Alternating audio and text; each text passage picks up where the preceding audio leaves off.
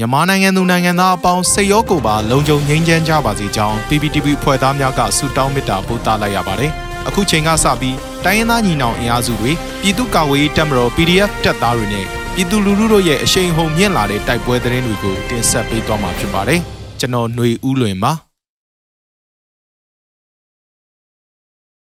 ပထမဆုံးအနေနဲ့ရန်ကုန်တန်လျင်တရားအစင်စစ်တပ်ဂိတ်စခန်းတိုင်းရင်းသားကြေးရွာအနီးမီပွိုင်းနဲ့ထန်းတပင်ရဲကင်းကို PDF ကပြစ်ခတ်တိုက်ခိုက်လို့အ ਨੇ ဆုံးစစ်သား6ဦးသေဆုံးတဲ့တဲ့ရင်ကိုတင်ဆက်ပေးကြပါမယ်။ရန်ကုန်တန်လျင်တရားအစင်ရှိအကြမ်းဖက်စစ်ကောင်စီကင်းစခန်းများကိုဒီနေ့နိုဝင်ဘာလ15ရက်မနက်7:00နာရီဝန်းကျင်မှာပြည်သူတော်လှန်ရေးတပ်သားများကပြစ်ခတ်တိုက်ခိုက်ခဲ့ပြီးစစ်ကောင်စီတပ်သား10ဦးခန့်ကြီးစံထိမှန်က3ဦးမှနေရာမှာပွဲချင်းပြီးသေဆုံးကြောင်းရန်ကုန်တိုင်းစစ်ဒေသခွဲကိုကဲကြီးအဖွဲ့ကသတင်းထုတ်ပြန်ပါတယ်။လာဒူတိုင်းရင်းသားကြေးရွာအနီးမီပွိုင်းရှိငွေကြေးတောင်းခံကပြည်သူလူထုကိုအနှောက်အယှက်ပေးနေတဲ့ရင်တင်းရဲများကိုလည်းတပြိုင်တည်းပြစ်ခတ်တိုက်ခိုက်ခဲ့ရာရင်တင်းရဲ3ဦးထိမှန်ပြီး2ဦးသေဆုံးနိုင်ပေါ်ရှိကြောင်းသိရပါတယ်။ဒါအပြင်ရန်ကုန်တိုင်းထန်းတပင်မြို့နယ်မှာရဲရ10ဦးခန့်ရှိတာဆုံရဲကင်းစခန်းကိုပြည်သူတော်လှန်ရေးတပ်သားများကဒီနေ့မနက်7:30အချိန်မှာတွားရောက်ပြစ်ခတ်တိုက်ခိုက်ခဲ့ရာရဲ3ဦးကြီးစံထိမှန်သေဆုံးခဲ့ပါသေးတယ်။ ကြံလောအောင်စစ်စင်ရေးစီမံချက်နဲ့အကြမ်းဖက်စစ်တပ်ကိုတော်လန်တိုက်ခိုက်လျက်ရှိရာအကြမ်းဖက်စစ်တပ်ရဲ့ရန်ကားပစ်ခတ်မှုနဲ့စိတ်ထင်ရဖမ်းဆီးနှိပ်စက်မှုများရှိနိုင်တာကြောင့်ပြည်သူများတတိရှိရှိနဲ့နေထိုင်သွားလာလှုပ်ရှားကြဖို့ရန်ကုန်တိုင်းစစ်ဒေသခွဲကိုကဲရေးအဖွဲ့ကတတိပေးထုတ်ပြန်ထားပါတယ်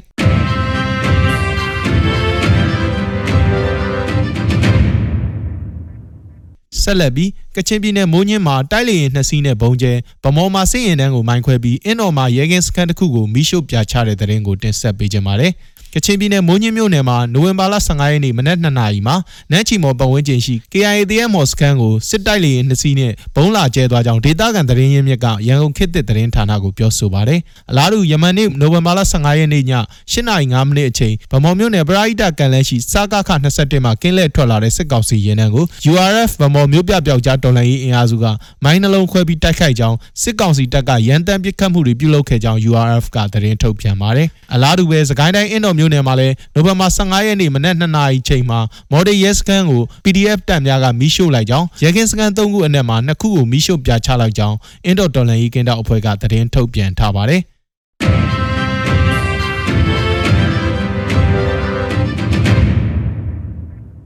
နောက်ဆုံးအနေနဲ့အမျိုးသားညီညွတ်ရေးအစိုးရပြည်ထရေးနဲ့လူဝင်မှုကြီးကြပ်ရေးဝန်ကြီးဌာနကနိုဝင်ဘာ15ရက်ရက်စွဲနဲ့ထုတ်ပြန်တဲ့ပြည်သူ့ခုခံတော်လှန်စစ်တရင်အချက်လက်တွေကိုတင်ဆက်ပေးသွားမှာပါ။အာနာသိန်းအကြမ်းဖက်စစ်အုပ်စုရဲ့ပြည်သူလူထုအပေါ်အကြမ်းဖက်ဖိနှိပ်ဖန်ဆီးတိုက်ခိုက်တပ်ဖြတ်နေမှုများကိုပြည်သူလူထုတရက်လုံးကအသက်ရှင်တန်ရေးအတွက်မိမိကိုယ်ကိုမိမိခုခံကာကွယ်ပိုင်ခွင့်အရာပြည်သူခုခံစစ် People's Defenses War ကိုဆင်နွှဲလျက်ရှိပါတယ်။တရင်အချက်လက်များအရ14ရက်17လ2021ရက်နေ့မှာ စစ်ကောင်စီတပ်ဖွဲ့ဝင်60ဦးသေဆုံးပြီးထိခိုက်ဒဏ်ရာရရှိသူ22ဦးအထိခုခံတိုက်ခိုက်နိုင်ခဲ့ပါတယ်။စစ်အာဏာရှင်စနစ်မြမမြေပေါ်ကအပိတိုင်ချုပ်ငြိမ်းရေးနဲ့ Federal Democracy တိဆောက်ရေးအတွက်ငြိမ်းချမ်းစွာဆန္ဒပြတဲ့လူထုတပိတ်တိုက်ပွဲများကပြည်내နဲ့တိုင်းဒေသကြီးများမှာဖြစ်ပွားပေါ်ပေါက်လျက်ရှိပါတယ်။မြေပြင်မှာယခုတွေ့ရတဲ့သတင်းအချက်အလက်တွေထက်ပို၍ဖြစ်ပွားနိုင်ပါတယ်ခင်ဗျာ။